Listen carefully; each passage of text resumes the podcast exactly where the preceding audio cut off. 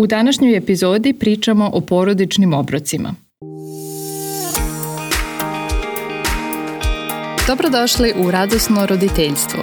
Ja sam Ana, a ovo je podcast u kome pričamo o svim temama vezanim za roditeljstvo i koji vam nudi ideje i inspiraciju kako biste pronašli još više radosti u roditeljstvu i uživali u svojoj deci. Mišljenja koje iznosim u podcastu baziraju se na naučnim istraživanjima iz oblasti psihologije i dečijeg razvoja, a pre svega na primerima iz stvarnog života i mom ličnom iskustvu sa mojom decom. Hvala što ste tu.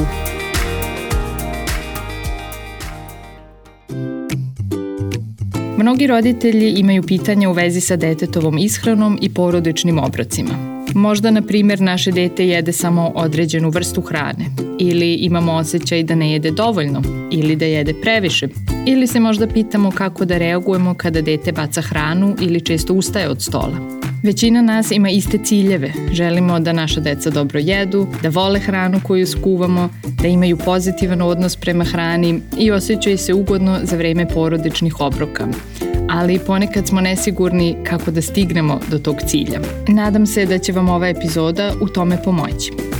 Prva stvar o kojoj ćemo pričati, a koja može dosta pojednostaviti situaciju oko obroka i doneti lakoću vašem pristupu hrani, jeste takozvani princip podeljene odgovornosti. Ovo je nešto o čemu govori i piše Ellen Satter. Ona kaže da roditelji mogu da se opuste jer roditelji imaju svoj posao i svoju odgovornost, a deca svoju. Među roditeljima i decom postoji jasna podela odgovornosti i ne bi trebalo, niti u principu možemo da preuzmemo detetov zadatak.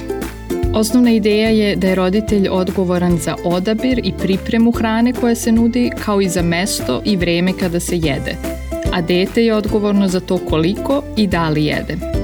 Ovde je ključna stvar poverenje roditelja u decu da sami odrede koliko i da li će jesti od onoga što roditelji ponude. I kada roditelji urade svoj deo posla, onda će i deca svoj. To detaljnije znači da je zadatak roditelja da izabere i pripremi hranu, obezbedi redovne obroke i užinu, učini vreme jela prijatnim, korak po korak pokaže deci primerom kako da se ponašaju za vreme jela, ima u vidu činjenicu da deca nemaju puno iskustva sa različitim vrstama namirnica i ukusima, kao i da ne dozvoli stalno grickanje između obroka. A zadatak dece je da jedu. Deca će jesti onoliko koliko im je potrebno, naučit će da jedu hranu koju jedu i njihovi roditelji, rašće predvidljivo i naučit će da se ponašaju tokom obroka. Tipično razvijeno zdravo dete će jesti ako je gladno i ješće dok ne bude sito. Naravno, ako ste zabrinuti za rast i razvoj svog deteta, svakako konsultujte svog pedijatra, ali obično svako dete ima urođenu unutrašnju osetljivost na glad i sitost, a to je nešto što želimo da deca zadrže. Deca jednostavno ne jedu ako nisu gladna.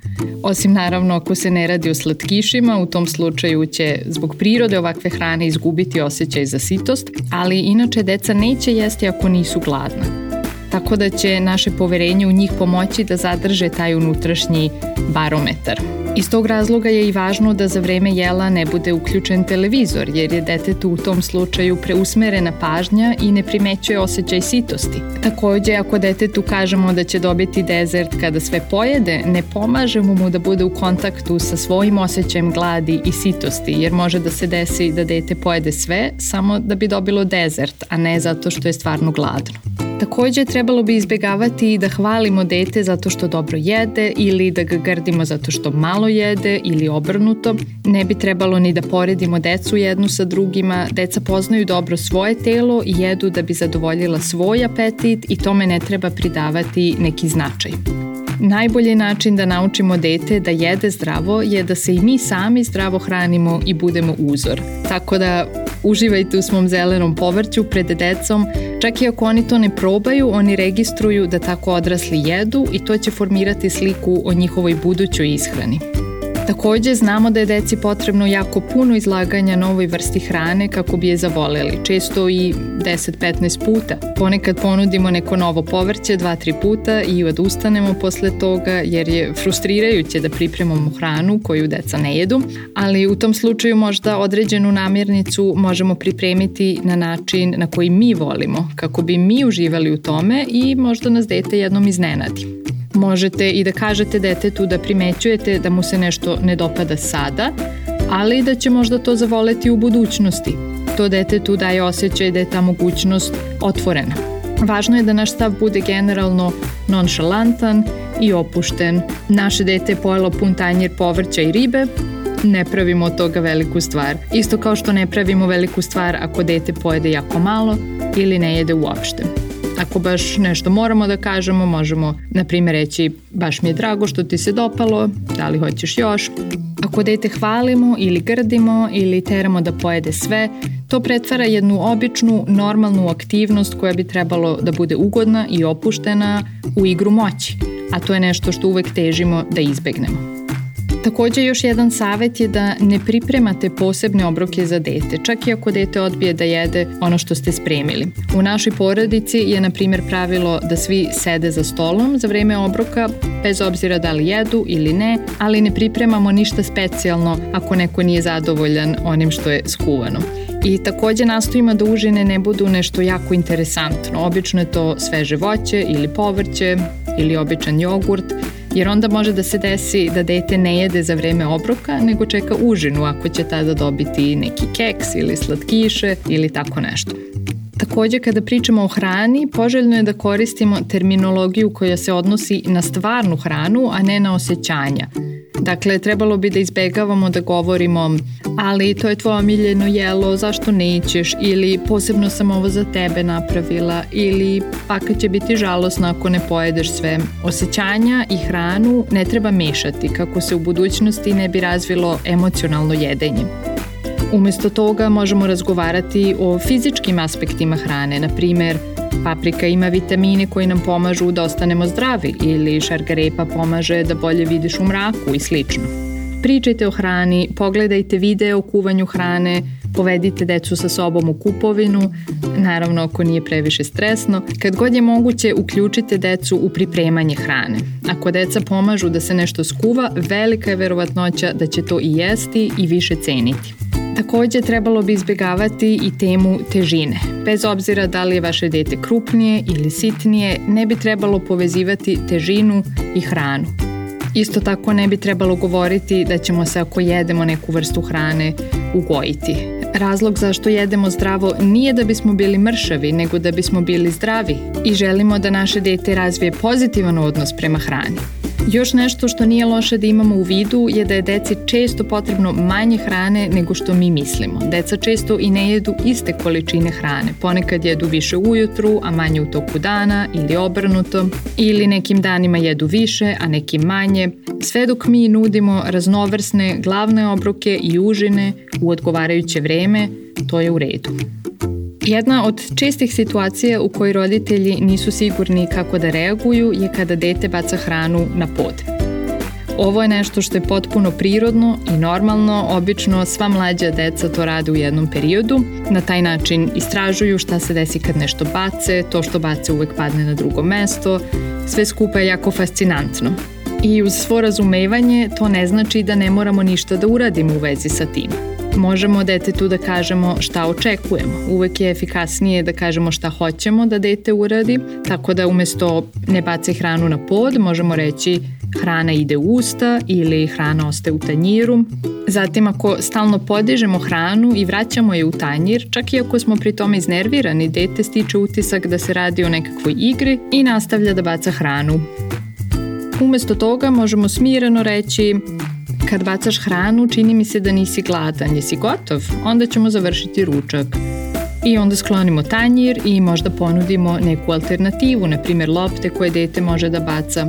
I naravno, ako je dete još uvek gladno, možemo za par minuta još jednom ponuditi da sedne. Slično je i ako dete ustaje od stola. Što je dete mlađe, to mu je teže da dugo sedi za stolom. Ovo je nešto što će svakako postati lakše s vremenom. Kada deca bolje razviju svoje govorne sposobnosti, socijalne veštine, kada budu mogla duže da učestvuju u razgovoru, naročito ako su porodični obroci ugodni, ako je atmosfera prijatna i topla, deca će voleti da sede sa nama za stolom. A umeđu vremenu ćemo pomoći svom detetu da ostane za stolom. Ne želimo da jede po celoj kući, da se šeta sa hranom u ustima, to može i da bude jako opasno ako se zagrcne, tako da ćemo tu postaviti granicu. Pretpostavimo da dete ima udobnu stolicu, da smo mu posvetili pažnju za vreme jela, da smo razgovarali sa detetom o svom očekivanju da za vreme jela sedi za stolom i takođe smo upozorili dete da ako ustane imamo osjećaj da je gotovo i onda je taj obrok završen.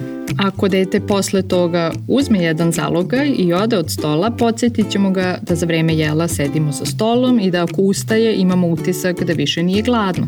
I zatim ćemo, ako dete ponovo ustane, skloniti tanjir.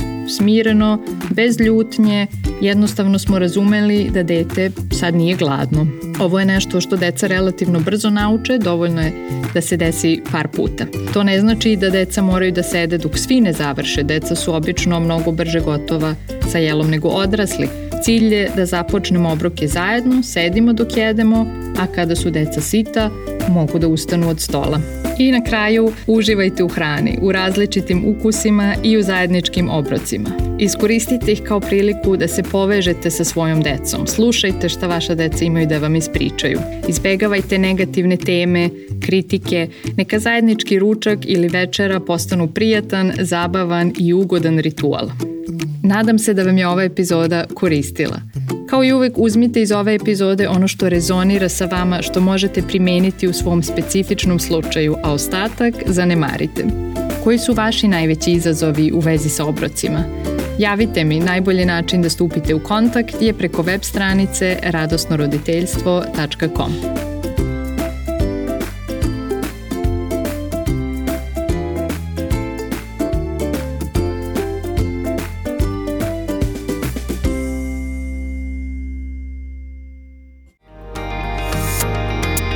Hvala što ste slušali Radosno roditeljstvo.